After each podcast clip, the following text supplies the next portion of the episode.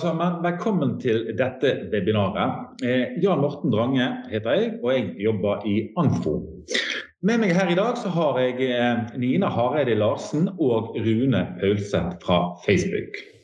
Og i dag skal vi utfordre Facebook. Vi skal stille spørsmål, og vi skal få svar. Det håper jeg iallfall. Og det vet jeg at veldig mange der ute også har lyst til å få med seg. Vi har fått masse spørsmål inn, og det betyr jo også det at eh, den live Q&A-en som vi hadde tenkt helt på slutten av, den utgår nok, for vi har fått så veldig mye spørsmål inn i forkant. Men fortvil ikke. Hvis det er ting som henger i luften etter dette, send oss en mail, så tar vi det derfra. Mange av oss eh, har vært litt kritisk til eh, Facebook eh, av og til. Men samtidig så er det noe sånn at det er ikke veldig mange suksesshistorier der ute som ligner på, på Facebook sin. Det skal vi også ta med oss. Facebook er jo definitivt en suksess. Litt av bakteppet for denne seansen det er jo at digital markedsføring har jo gitt oss mange muligheter og mange utfordringer. Og så har det også vært sånn at Når disse utfordringene nevnes, så har jo ofte de blitt nevnt i samme setning som eh, Facebook. Vi i Anfo, og kanskje undertegnede spesielt, har ofte tatt tak i disse problemene. Facebook har gått fra krise til krise, har både jeg og Anfo sagt. Den ene krisen avløser den andre. Ja, det har jeg også sagt. Tillit og personvern er gjengangere, eller kanskje mer mangel på akkurat dette. Utfordringer knyttet til personvern generelt, Cambridge Analytica, livestreaming av fjorårets tragiske massedrap i New Zealand. Ikke mer detaljer i denne omgang, men kritikken har vært der. Den har vært ganske omfattende, og det har også omtale rundt dette vært. Den siste tiden, i etterkant av Twitters merking av Trump sine ikke helt faktabaserte budskap, har det også kommet litt sånn kritikk internt i Facebook for at ikke Facebook egentlig har gjort mer, og tilsvarende ting som det Twitter har gjort. Og Forleden dag så kom det også over en paper fra New York University, eh, Stern Center for Business and Human Rights. Der påpeker de at Facebook sin praksis rundt moderering av innhold langt fra fungerer. Så Hovedkritikken her det har bl.a. gått på det at å outsource denne virksomheten det har ikke helt eh, fungert etter det som kanskje var planen og intensjonen. Vi har også sett i en del undersøkelser at tilliten til Facebook egentlig ikke helt der han kanskje burde være. Eh, da nevner jeg bare helt eksempelvis eh, Medietilsynet sin undersøkelse som ble gjort tidligere i år. Og Akkurat dette er jo en utfordring og ikke helt betryggende for Facebook, vil jeg tro. Samtidig, vi vet at Facebook gjør mye. Spørsmålet er om de gjør nok, og vil de egentlig eh, nok. Det har vært mye kritikk, det har vært mye dokumentasjon i forskjellige undersøkelser. Eh, og Ofte så har det vel også vært grunnlag for denne kritikken. Likevel, Facebook vokser. Eh, det ser jo ikke ut som annonsørene bryr seg, bryr seg om, om, akkurat de små utfordringene her i det hele tatt. Fungerer det så bra? Er annonsøren blitt helt avhengig av eh, Facebook? Eh, Rune Paulseth, hva kan du si her? Først av alt vil jeg bare si tusen takk for at dere har tatt initiativet, og at vi får lov å komme og være med på webinaret. Er, jeg vet jo at det er mange av disse webinarene rundt forbi, eh, så det er eh, veldig hyggelig å se at det er så mange som, eh, som har logget seg på for å følge med. Så jeg synes, så takk for det først, og jeg håper at alle har det bra og er trygge der ute. Det er det viktigste. og det er litt det som også går inn på denne kritikken som har kommet til oss i det siste. At vi, vi, har jobbet veldig mye i det siste med den biten rundt brukerne våre for å påse at de er trygge på plattformen og at de også kan eh, stole på oss. Eh, men som du påpeker, så er det fremdeles områder som eh, dukker opp som vi ikke har vært gode nok på. og Dette er jo et sted vi investerer fryktelig mye penger for å komme og bli mye bedre. Eh, og som du sier også, vi, vi, vi, kommer opp eh, med mye gode nye ideer og vi gjør eh, veldig mange initiativ. Vi har veldig mange mennesker som jobber med disse utfordringene hele tida. Jeg tror at eh, det som vi opplever stadig vekk, er jo den farta som eh, si, innovasjonen driver oss eh, mot. Altså totalt sett globalt, hvor fort det går med både plattform og teknologi.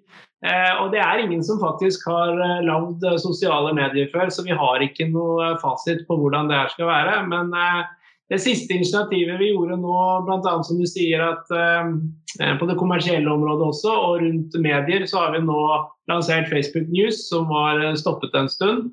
Og Det er det siste initiativet vi også gjør nå, for vi innser det at lokale nyheter, og vi ser det i den prosessen som har vært nå, hvordan folk oppsøker sine lokale nyheter og søker etter trygghet. Så Det er et, det er et komplekst eh, spørsmål, og det er eh, mange av de tingene du har penslet innpå som, eh, som vi sikkert kunne sitte her i timevis og snakke om. Men vårt hovedfokus er jo å bygge denne tilliten så høyt vi overhodet kan. Jeg tror aldri at vi klarer å få 2,8 8 milliarder mennesker, 2,5 milliarder mennesker på plattformen De har tillit til oss 100% hele tiden. Så det er rett og slett brukermassen eh, for eh, differensiert. Men vår viktigste fokus er, og jeg vet også dette er ledergruppas fokus på alle de initiativene som tar, så er det det å være tro også til visjonen vår, som skal bringe folkene sammen, skape rom og og grupper for å diskutere ting. Og prøve å ha en så åpen og transparent linje på det som er mulig. Og Definisjonen da hva som er eh, riktig og galt i henhold til ytringsfrihet på den ene siden, og det å ha en plattform for å kunne rett og slett, eh, eller som burde reguleres på en, på en annen side, er ekstremt vanskelig. Og det er vi fullstendig klar over. Men eh, vi har valgt å stå i den linja som er eh, Facebook sin eh, visjon. Eh, og der er det der vi er nå. Jeg føler også Når det gjelder integriteten vår, så kan vi se på f.eks. det kommende amerikanske valget, som er viktig fordi vi er et amerikansk selskap, så har vi hatt eh, globale valg nå de siste ja, siden 2016 amerikanske valget uten å funnet noen av de samme tingene.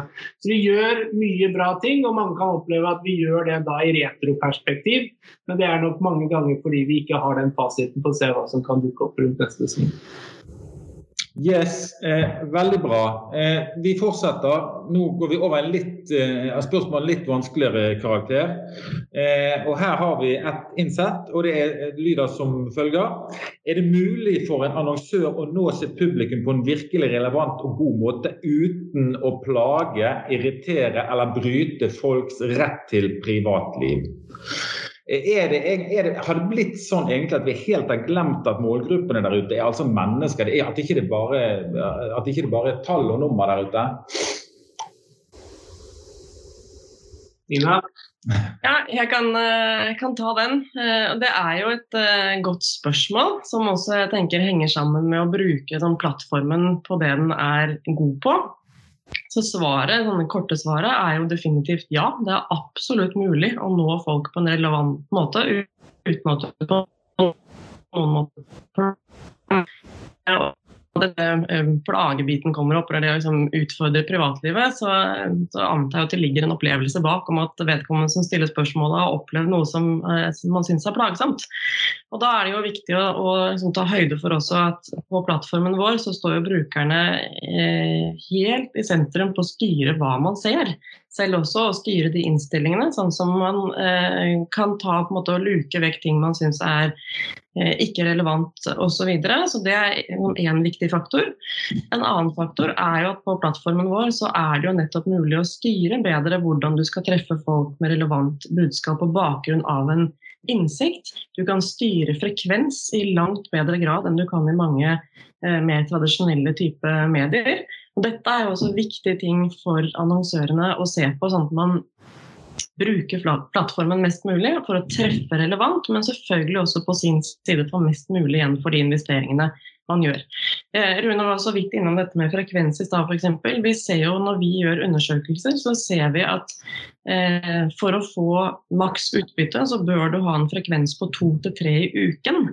Og etter det så er det ikke noe spesielt økt effekt om du kjører på med frekvens etter det.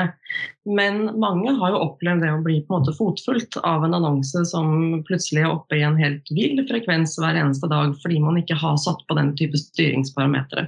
Så jeg vil jo si et veldig sterkt ja til spørsmålet. Det er fullt mulig. Dette ligger innebygd i plattformen. Men det handler jo også om å faktisk eh, stille gode krav til de som utfører performance-arbeidet for deg, sånn at du får brukt de mekanismene som ligger i plattformen, så folk opplever at det de ser er relevant. Det er noe av det viktigste for oss.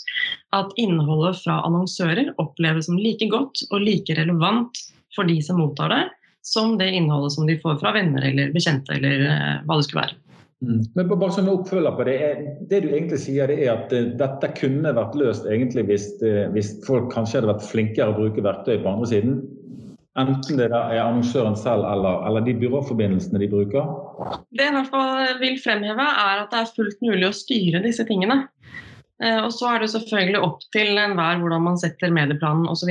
Men det er fullt mulig å ha god styring hos oss på både hvilke signaler vi bruker, hvilken målgruppe du går etter, hvilken frekvens du har på de enkelte målgruppene osv. For nettopp å gjøre en vurdering på hva du mener er riktig tilstedeværelse og hyppighet eh, for deg. Mm. Og Hvis jeg kan si en ting der, så tror jeg at eh, det handler vel om hvor man historisk sett har kjørt disse kampanjene, og hvordan kampanjene er satt opp historisk sett fra det perspektivet. Og Når det, de mulighetene ikke har vært til stede, så tror jeg ikke de har blitt liksom, lagd inn i det målverket man bruker. Det ser man jo ofte med et Excel-ark eller andre typer ting med faste setup, som man bare implementerer også der det er mulig å, å gjøre det bedre. Og så En siste ting som jeg syns er viktig, det er modus. Eh, jeg har drevet med sånn den typen nisjemarkedsføring egentlig mest før. Og det er jo egentlig det Facebook er god på, å nå nisjene i stor grad. Og nå har vi jo Instagram, Messenger, WhatsApp og Facebook som ligger inne. Så kombinasjonen av det å være god på å planlegge, men la også systemet maskinlæringsmessig få lov å styre hvor man ser at frekven, eller uh, responsen eller den type målsetting man setter er best. Mm. Yes, eh, jeg har et annet spørsmål som eh, sannsynligvis er veldig enkelt eh, og, og, veldig velkomment. Hvordan kan Facebook hjelpe annonsørene fremover med å bygge merkevare nå som TV-tittingen er dramatisk redusert i de fleste viktigste målgruppene? Ja, jeg kan uh, ta den også, jeg. Uh, Facebook har jo en stor brukergruppe i det norske markedet. Tar man høyde for at vi har en aldersgrense på 13 år, så er det stort sett alle som kan være på Facebook, som har en profil der i Norge. Så jeg tenker Noe av det viktigste svaret på dette er jo å ta høyde for at Facebook, uh, og da mener vi Facebook og Instagram og Messenger i kombinasjon, for dette henger sammen som annonseplattform. Det er den største dekningsplattformen i Norge.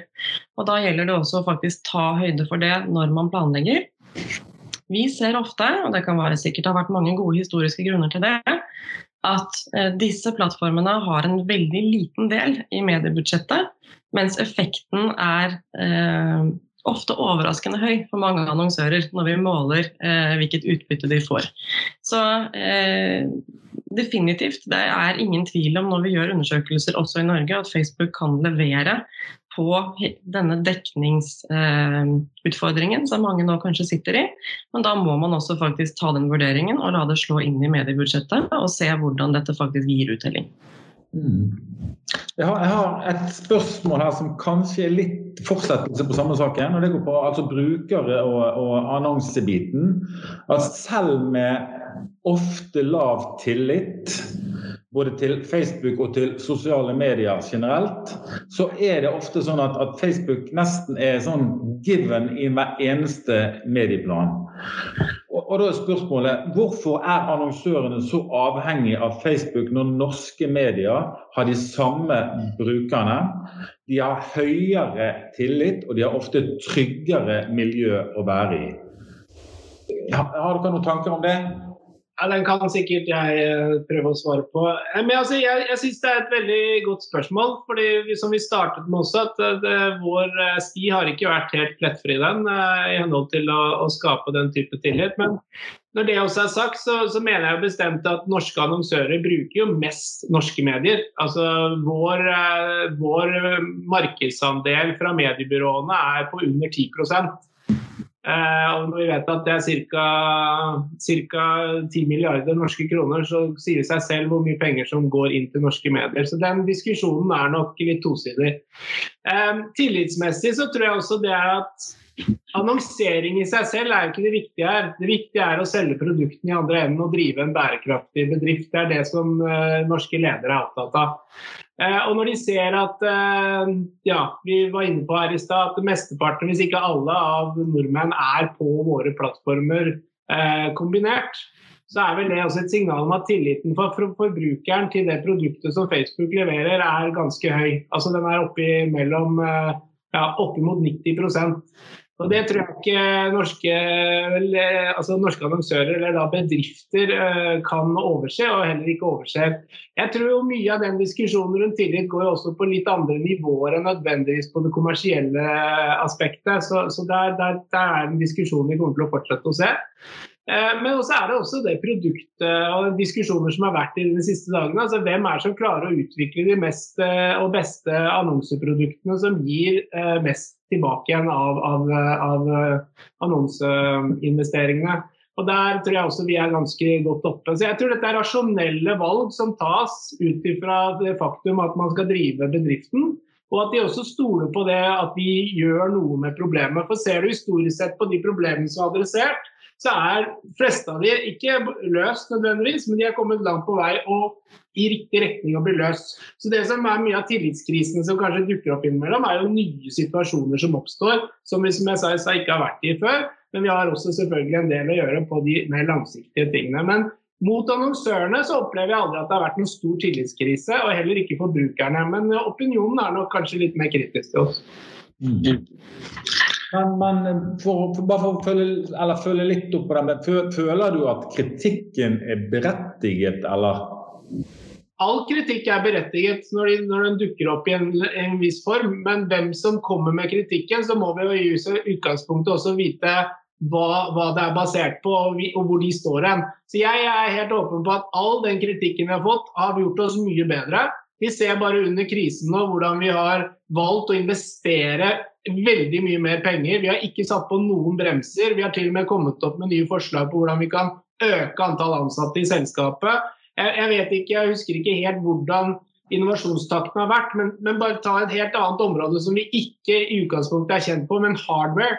Altså det der at Vi har kommet med noe som heter Portal, som er en, en skjerm. Det høres jo helt banalt ut å lansere en skjerm som bare skal drive med messaging og videocalls, men den er utsolgt. og den er snart utsolgt, eh, er det solgt mer i, i, i, London eller i UK enn det er solgt i USA. Så det er klart at det å se mulighetene og investere i det sånn som situasjonen er nå, det har vært vårt fokus. Nest etter det å hjelpe myndighetene til å få ut informasjonen og være en plattform for, for, eh, for det bedre. Så, så all kritikk tar vi mot oss. Det gjør oss mye, mye bedre. Eh, og så Om den er eh, berettiget eller ikke, det, det, det, det, tenker vi ikke fryktelig mye på. Det, vil alltid være kritikk hvis man gjør noe. Eh, og Det tror jeg er bare bra feedback på det vi driver med. Eh, for for, fortsett litt på den biten der. for det er klart at eh, Kritikken for så vidt én ting. Men hvis du ser på, på, Facebook er jo en gigant globalt sett, og Norge er et relativt lite marked er det sånn at la oss si, Hvis, hvis enkeltannonsører i det norske markedet ja, tar opp saker av, av vanskelig karakter med dem, er det sånn, har dere en reell innflytelse i systemet her? Er det sånn at eh, er det mulig å, å, å, ta vanskelige ting med dere og regne med egentlig at det skjer noe sånn videre med det? Eller er det sånn at du bare hiver det under teppet, og så der blir det liggende? Jeg er Et godt eksempel nødvendigvis ikke fra det kommersielle livet, men altså, vi hadde jo en norsk redaktør som var ganske opprørt over uh, Mark Zuckerberg. jeg vil jo si at han fikk uh, godt eh, svar, og det skjedde ganske mye på det området basert på hva Aftenposten gjorde den gangen. Vi har sett andre ganger hvor det er helt eksplisitte ting i kulturer som er langt unna f.eks. vår vestlige amerikanske kultur, hvor vi ikke har skjønt konteksten ut ifra kanskje en mangel på noe av det vi også jobber med, diversity både i ledergrupper og i hele selskapet at vi lærer fort og, og, tar tak i det. og Ved neste anledning så har vi gjort jobben mye mye bedre. Så absolutt alle, alle feedback som er relevante og som vi tar opp og, og penses tilbake igjen, som, som er kultur- eller geografisk relatert, det kommer veldig høyt opp i systemet i, i, hos oss. Og David Fisher, som er vår øverste leder kommersielt, han er eh, veldig på. Han har totalt innsikt i hvert fall regionene på hva som rører seg og hva vi kan gjøre bedre. Det er sånn det selskapet er utvikler seg på. Hvis vi er forutinntatte på, på å, å, å, kjøre på vår måte hele veien, eh, så kommer vi ingen vei. Egentlig, veldig bra. Eh, jeg har noe her som går på konkurranse, altså med de store eh, globale gigantene mot for så vidt norske, lokale, redaktørstyrte medier. Det vi har sett egentlig fra, fra en del undersøkelser som vi har gjort, det er at en, fall annonsemarkedet, eh, som når vi spør de, så er de bekymret både for Google og Facebook sin sterke eh, posisjon. Og, og de ser ikke nødvendigvis på den utviklingen der som en styrke for annonsørene. Eh, sånn sett så ser det jo for så vidt ut som at annonsemarkedet har fått opp øynene for en litt sånn uheldig utvikling. Der, der at veksten til gigantene, til Google, Google Facebook osv. kommer på bekostning av egentlig de lokale mediene. Det vi også har sett i den koronatrekkeren som vi har gjort i denne perioden, det er jo at, at en del annonsører svarer at de, de, er villige til å ta ut penger fra, fra f.eks. Facebook og overføre det til lokale medier. Eh, kommentarer på det? Nina, har du lyst til å si noe om Du sitter tett på en del store annonsører akkurat nå. Ja, eh, det er jo eh, for så vidt forståelig at den diskusjonen kommer. Eh, gitt måte, de brå endringene som oppstår i markedet. Eh, jeg vil si at de aller fleste annonsører som vi har kontakt med, er jo først og fremst opptatt av hvordan de skal få ut produktene, varene og tjenestene sine på en best mulig måte. På en eh, mest mulig økonomisk måte for å levere på de målene som de har for selskapet. Så det er jo noe de alltid ser etter. Det er jo ikke tvil om at det også er en sidediskusjon til dette, om i, måte, i hvilken grad markedsførere har et samfunnsansvar eller ikke. Det skal ikke jeg gi noe svar på her, men de diskusjonene vi oftest har i sammenhengen, handler jo nettopp om effekt for markedsføreren, og det opplever jeg at man eh, nok i størst grad er mest opptatt av. Og der ser jo flere og flere som jeg var inne på i stad, får øynene opp for og at du kan måle helt konkret at eh, effekten på Facebook og Instagram er stor. Og som da gjør at man fortsetter ref ditt poeng i stad, å ha det som en standard i medieplanen, fordi man ser at dette virker. Mm. Jeg skal si litt fra et journalistisk eller fra et policyperspektiv når det gjelder også vår involvering med eh, redaktører, redaktørkolleger, vi har jo hele tiden hatt vårt journalism program, hvor vi har uh, uh, engasjert med en egen media partnership team, som kanskje noen av de som hører på her også har vært i kontakt med. For de jobber også med de som jobber med content-programmene til, til, de største merkevarene. For det er jo en veldig glidende overgang nå med hvem som er brandeier og også innholdsleverandører, så det er en annen diskusjon. Men Sist, som jeg sa, vi lanserte i USA i går kveld, tror jeg det var, eh, tilbake Facebook News. Vi har gått igjennom flere initiativ som skal prøve å hjelpe lokale annonsører med å styrke seg på plattformen eller å få eh, initiativer og ikke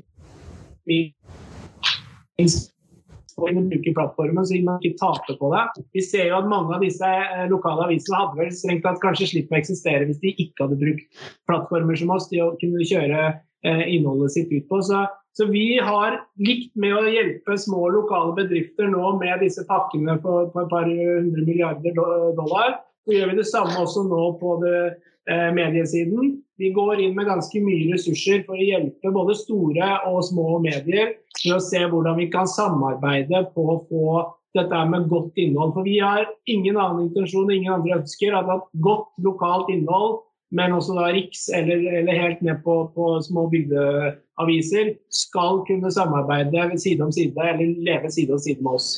Og jeg, som jeg sa i stad, vår eh, markedsandel i Norge er på under 10% så det skal være penger for annonsørene å kunne bruke og utvikle eh, lokalmediene slik som også markedssituasjonen er nå.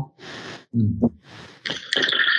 Uh, yes. Um, jeg har et spørsmål det er kanskje litt mer sånn av, av teknisk karakter. Det går på algoritmer og, og endringer av algoritmer, og, og, hvordan dette egentlig påvirker de som sitter på andre siden. Er det noe dere har lyst til å, å svare på, eller? Ja, kjør på. Uh, det, det, er vel for så vidt egentlig det. Hvor, hvorfor er det sånn? Hvordan prioriteringene bak dette?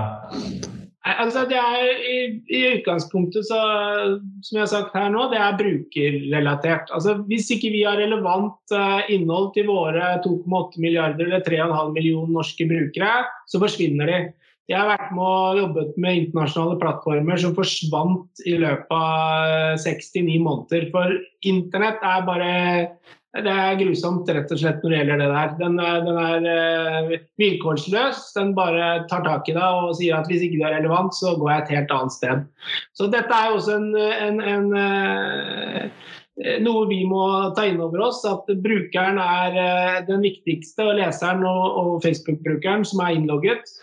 Og Det vil da ofte noen ganger påvirke både si, innholdsleverandørene med annonsørene. Men jeg vil si at algoritmiske endringer har ikke til eh, altså De har nok vært til det beste for annonsørene. og Det legger også på toppen av utvikling av nye produkter med custom audiences, hvor vi kan koble CRM-databaser sammen, eller offline conversions, eh, for å bruke disse utenlandske uttrykkene, hvor vi kan trekke hva som skjer i fysisk butikk, så vil jeg jo si at det at vi klarer å levere relevant innhold til forbrukerne og utnytte det på utviklingssiden på annonseprodukter, så er det definitivt eh, en vinn-vinn-situasjon. Eh, så, så, jeg mener at vi har vært gode på det. Men de algoritmiske endringene vi gjør, er enten av, av, av policy-grunner. altså det er ting vi ikke ønsker å ha så mye av plattformen, eller maskinlæring som merker at dette er ikke effektivt. Eller så er det rett og slett for å optimere rundt de, eh, de uh, forbrukertjenestene. Mm. Yes. Nei, bare grunnen til at du tok det opp jeg ser det, det, Så her er vi det, det, det, er flere spørsmål og påstander som går litt i den retningen at de opplever denne uforutsigbarheten som, som, litt vanskelig, og som for så vidt også kan påvirke dette som går på tillit og, og troverdighetsbiten. De opplever det som ganske krevende å, å sette seg inn i den type endringer eh, mer eller mindre kontinuerlig. Altså, og det jeg vil si da, er at eh, den, Hvis du bruker plattformen vår organisk, da, som var uh, mye tilfelle før også på annonsører, for det var lett å kunne optimere eller trikke litt av algoritmene til å, å, å, å, gjøre kommersielle ting, så er jo det helt borte. Men det er en helt annen skal vi si, algoritmisk oppsett i annonsestyringssystemet vårt. Så hvis du bruker annonsestyringssystemet sånn som det er satt opp for å bruke, så skal ikke algoritmiske utfordringer i newsfeeden, altså mot brukerne, ha spesielt høy relevans. Det som er klart at det har vært noen store endringer eller for annonsøren. Det som har vært noen store endringer for annonsører de siste par årene, har selvfølgelig vært GDPR f.eks. Hvor vi var nødt til å gjøre endringer algoritmisk for å være da eh, altså kunne møte GDPR-utfordringen på en effektiv måte. Så enten som jeg sier, enten så er det policy-wise eller, eller forbrukerstyrte, men, men annonseplattformen vår den er optimert mot å gjøre det beste for annonsøren, uavhengig av algoritmene vi gjør på newsfeed. Jeg har en liten oppfølger på den, og det går på denne organisk kontrabetalt. Eh, vi har folk som lurer på om, om man egentlig blir straffet her, og, og den meningen er faktisk at du skal bruke mer penger. At det er det egentlig som ligger bak. Ja, nei, altså, Det er ikke meningen at du skal bruke mer penger, men det, det som skjedde eh, for si, si, tre til fem år tilbake, var jo at det var helt ute av kontroll. folk brøt jo alle mulige regler som vi hadde satt på, på, på plattformen for å drive kommersiell virksomhet. Altså, den ble rett og slett nedsøpla av enkle typer triks eh, som vi ser også nå brukes i andre typer settinger. Eh, Eh, og vi, og vi, bruker eh, masse tid på å ta med den type innhold. Så det vi så var at eh, Relevansen og opplevelsen av plattformen ble dårligere og dårligere. Fordi det ble rett og slett for mye kommersielt innhold som ikke hadde noe, noe hensikt. Så da ved å gjøre dette inn mot det betalte, så kan velge å bruke 2 kroner og 50 øre og likevel ha ganske god dekning. Men da er du i hvert fall innenfor de, og du har godtatt de premissene som er for å annonsere på plattformen. Så vi gjorde et veldig klart skille mellom innhold og det kommersielle. Yes. Eh, vi, vi, nærmer, vi, nærmer, oss en, en, en, avslutning her, men jeg har et par sånne spørsmål som går også på databiten. og her er et spørsmål, kan man, eh, om, om, det er mulig for kundene etter hvert å ta ut relevant data fra Facebook, sånn at de kan bruke de andre kanaler? Foreløpig så er dette en enveis uh, altså det vil si, det, det, vi putter, tar heller ikke inn data på plattformen. Altså Hvis vi bruker det CRM-systemet vårt da, som heter uh, uh, altså med, med, å putte inn CRM-data inn i systemet, så er det speilede data. Altså rett og slett man, man, man pinger seg inn, ser om man finner den personen i det datasettet som brukes, og så leverer man innholdet. De dataene er aldri kommet til oss. Vi ser ikke de dataene, vi har ikke de dataene noen steder. Vi er bare i realtid matchet. Så det vil si at vi, vi, krever ikke at noe data skal inn, og dermed så kommer vi heller ikke til å levere noe data ut. Og data ut er jo rett og slett ut fra personvernhensyn, også for, for bedriftene. Dette vil være å dele både bedriftsinformasjon og personlig informasjon som vi bruker med det meste som er av våre personvernregler, men også globalt. Her, her uh, føler jeg at den diskusjonen tror ikke jeg skal ta med dere akkurat nå. For det er helt sikkert andre som kan ta. Og jeg har vært borti advokater fra systemet deres tidligere, så, så den får ligge litt, uh, litt uh, på vent. Det kan godt hende at vi skal ta den opp egentlig sånn ved en senere anledning. For dette er jo, som vi snakket om helt innledningsvis, noen ting er vanskelig, og så er det definitivt ting som, som, ingen av oss egentlig er i stand til å løse. Men det er klart akkurat det som går på personvern og data og sånne ting, det er jo en, er jo en gjenganger, og det er vanskelig. Og det er for så vidt også grunnen til at ikke vi ikke har klart å, å, løse dette. Men bare for å, for å, gå litt tilbake til der vi, vi startet, tillit og, og eh, personvern. Er det sånn at eh, Sitter vi bare og venter på, på den neste skandalen, eller føler dere at eh, ting begynner å, å, dette på plass? For det har jo, som jeg sa innledningsvis, det har jo på mange måter vært sånn at den ene krisen har avløst den andre, og samtidig så har dere bare fortsatt å vokse og vokse og vokse. Ja, altså jeg, jeg tenker at uh, den den største krisa vi så, hvis vi skal kalle det en krise eller en, en annen form for uh, uh, redefinisjon av hvordan vi ser særlig databruken, så har det vært et par prosesser. Altså det var jo da, som du nevnte, Cambridge Analytica opp imot det amerikanske valget. og Her lærte vi jo uh, the hard way, for å si det rett ut. vi har ikke sett noen lignende ting etterpå. Det, det dukker stadig vekk opp såkalte si, eh, ting som baserer seg på hvor vi har delt data eller ikke. Det som viser seg, er at vi fremdeles ikke har fått luka ut alle tredjepartsleverandører som har lekket data, som også var Cambridge Analytica-biten. Så til svaret så er jeg nesten overbevist om at vi kommer ikke til å se noen som er i nærheten av disse personvernskrisene framover. Jeg mener at vi har strammet inn og justert dette veldig, veldig bra. Eh, vi ser det også bl.a. med GDPR, da gjorde vi jo i og for seg ikke bare dette i Europa. Vi sa at GDPR skal være en global standard for oss i henhold til personvern. Så, så, sånn sett så har vi jo hatt veldig mye fokus på den biten.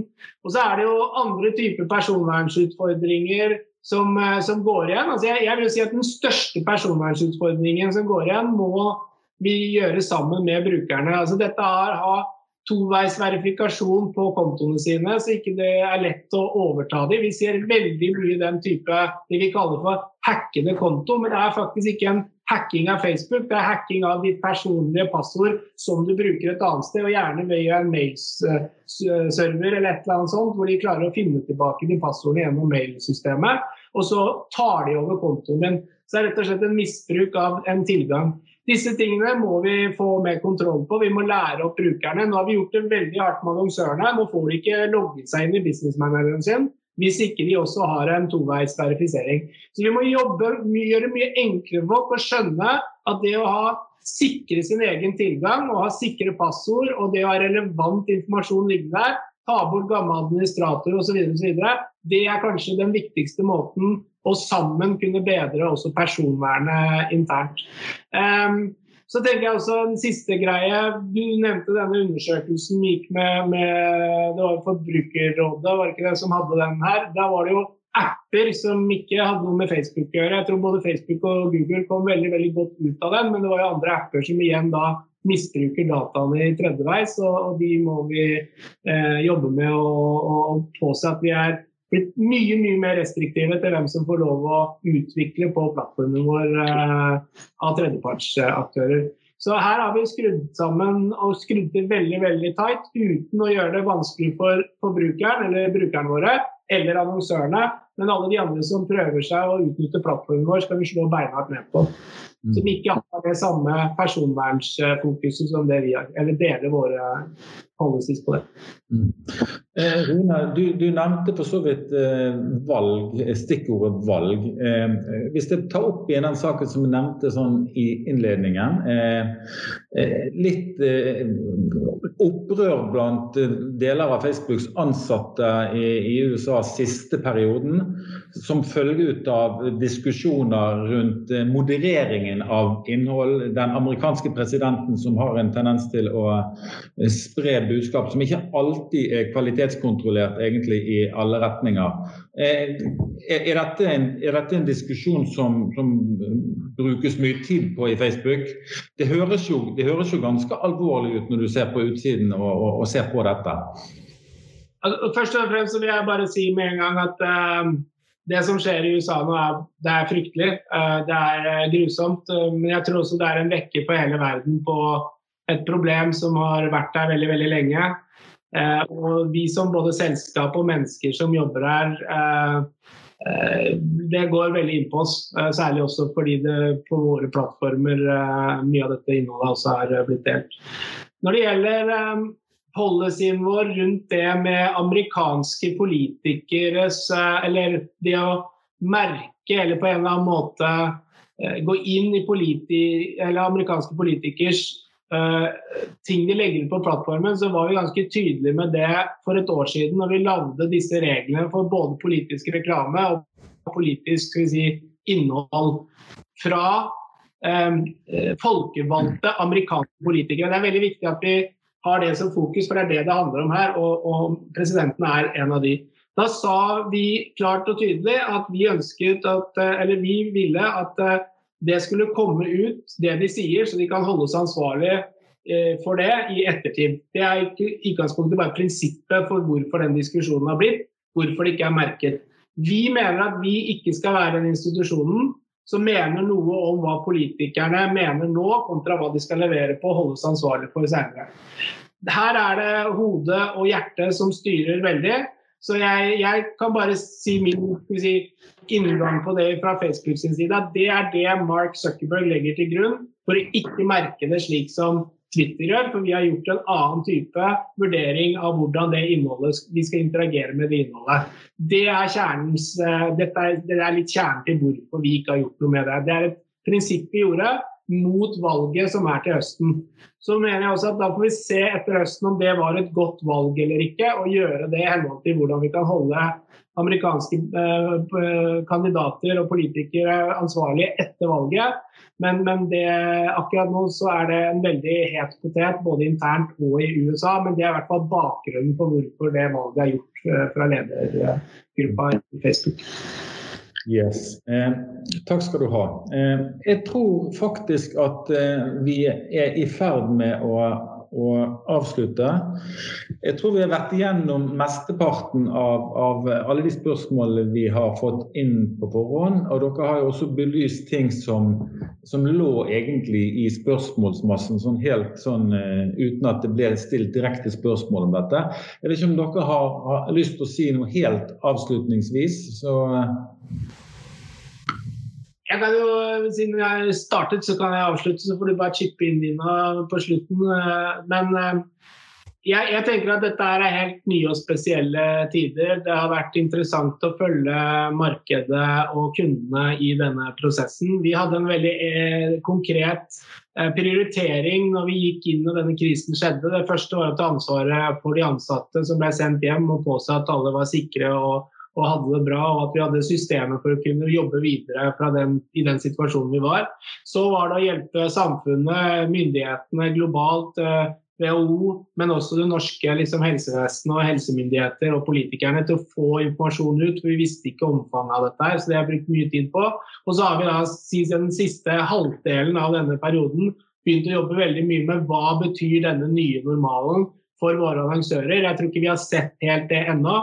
Vi ser at Eh, dialogene går eh, mye mer som det jeg har gjort. Prosjektene er på gang. Og vi ser at eh, vi, vi, det er et ønske om å, å drive si, markedsføring som fag og samfunnsmessig del av å komme tilbake igjen er viktig for dem. og Der er vi 100% med å støtte på de prosjektene allerede. Så vi, vi opplever at vi har nok hatt en vedal her hvor det var veldig mange usikkerhetsmomenter, men at mer ting er på vei tilbake igjen, i hvert fall i henhold til hvordan vi har interagert og dialogene og de prosjektene vi har jobbet med. Nina? Jeg kan skjøte på det med eh, Det er jo utrolig fint at vi som Rune sa innledningsvis, at vi blir invitert til dette. At vi kan snakke om det. Og jeg opplever nettopp at det er mange annonsører som ønsker å snakke om og spare om eh, hva kan man gjøre, hvilke trender er det man ser, ikke minst hente inn Eh, innsikt og inspirasjon fra hva andre har gjort i andre markeder som man kan se på. Vi er jo ikke så himla mange som jobber i Facebook i Norge, men vi er i hvert fall her. Så det er også sånn til Runes poeng. Eh, vi er til stede. Vi ønsker jo å hjelpe norske annonsører å lykkes i både liksom, nye formater og plattformer og, og som kanskje oppleves fremmed, men også med å se hva er det som faktisk er på gang nå. Hva er det brukerne som helt åpenbart gir feedback på at det er viktig for dem i det scenarioet som vi nå befinner oss midt i. Så vi har en masse ressurser tilgjengelig. Vi kjører denne type webinarer, vi har samarbeid med de store byråene. Vi er en del av den norske mediehverdagen, og vi ønsker definitivt også å være det og hjelpe annonsørene å lykkes i som Rune var innom i stad, det vi driver med er jo på en måte eh, inkarnasjonen av den brukermønsteret som vi ser hos folk flest nå, som er på mobilen, som er dette feed hvor du scroller, hvor du hele tiden er på jakt etter. Det å bruke de ressursene som bl.a. vi kan by på der, og som vi gjerne gjør, eh, til å lære seg hvordan det funker, vil gi effekt på mange plattformer. Så det, det gjør vi gjerne. Det er viktig. Vi bidrar veldig gjerne eh, i det bildet for å, for å hjelpe norske annonsører og norsk økonomi å lykkes i dette, denne sfæren. Bare et litt spørsmål. Hvordan har utviklingen vært i denne vanskelige perioden for dere? Har dere kjent det på omsetningen? Det er jo en del andre medier der ute som virkelig har kjent det på omsetningen. Vi, har jo vært, vi hadde jo en, eh, en såkalt earnings call, altså vårt kvartalscall eh, med, med, markedet for eh, en måneds tid siden. Og de globale trendene som kom ut der, er helt like som vi ser i, i, i Norge, egentlig, faktisk. Vi, hadde en veldig sånn brå stopp rundt uh, midten av mars, uh, hvor det var ingen som visste hva noe som helst skjedde. Den kom ganske greit tilbake igjen sånn i begynnelsen av april, og nå ligger vi nok litt under fjoråret, men vi guider nok til å være tilbake igjen mer eller mindre i rute på hva vi har levert før, fra annet halvår, i hvert fall sånn som vi ser trendene nå. Mm. Så i annonsemarkedet så vil Facebook komme relativt godt ut også i inneværende år. Det er egentlig det du sier, uten å si det helt direkte? Nei, altså, men vi føler at vi har kontroll på det. og Det er, det er veldig stort spenn med hvem som har nesten bare bråstoppa tatt på håndbrekket. Og så er det selvfølgelig noen bransjer som ser at den, dette er jo her går, her, altså dette markedet er jo en mulighet. Eh, så, så, det vi ser som er veldig forskjellig nå, er jo hvem som har fryktelig mye vekst og hvem som har fryktelig dårlig vekst. Det er, det er så, såkalt strekk i laget, som vi sa på fotballspråket. Eh, men, men i, ja, så vi er litt, sånn, du blir sånn svett på panna, kald på beina, så har du sånn greit sånn midt på magen her. Da, så ting er i balanse. Men, men, det er noe å jobbe med i hver, hver ende da, for å prøve å liksom komme tightere til litt. Men, eh, men, vi skal absolutt ikke klage på noe som helst. Men det pleier vi ikke å gjøre heller. Yes. Nei, det pleier dere egentlig ikke å gjøre. Så jeg tror, jeg tror, kanskje det får eh, være de siste ordene, egentlig. Eh, takk for at dere var med oss. Eh, vi snakkes underveis, og vi vet jo det at vi har åpen dør til dere hvis det skulle være noe. Og til, til alle våre tittere og, og følgere her ute. Det som eh, har blitt stilt av spørsmål som vi ikke har fått eh, anledning til å ta videre her i dag pga. tid, det kommer vi tilbake på. Det kommer vi til å publisere egentlig i, i en eller annen form. Så det skal ingen gå glipp av egentlig i, i, i den grad det ligger sånn eh, baller i luften fortsatt. Jeg tror ikke det. Jeg tror vi har klart å, å ta ned eh, de fleste baller sånn eh, etter hvert.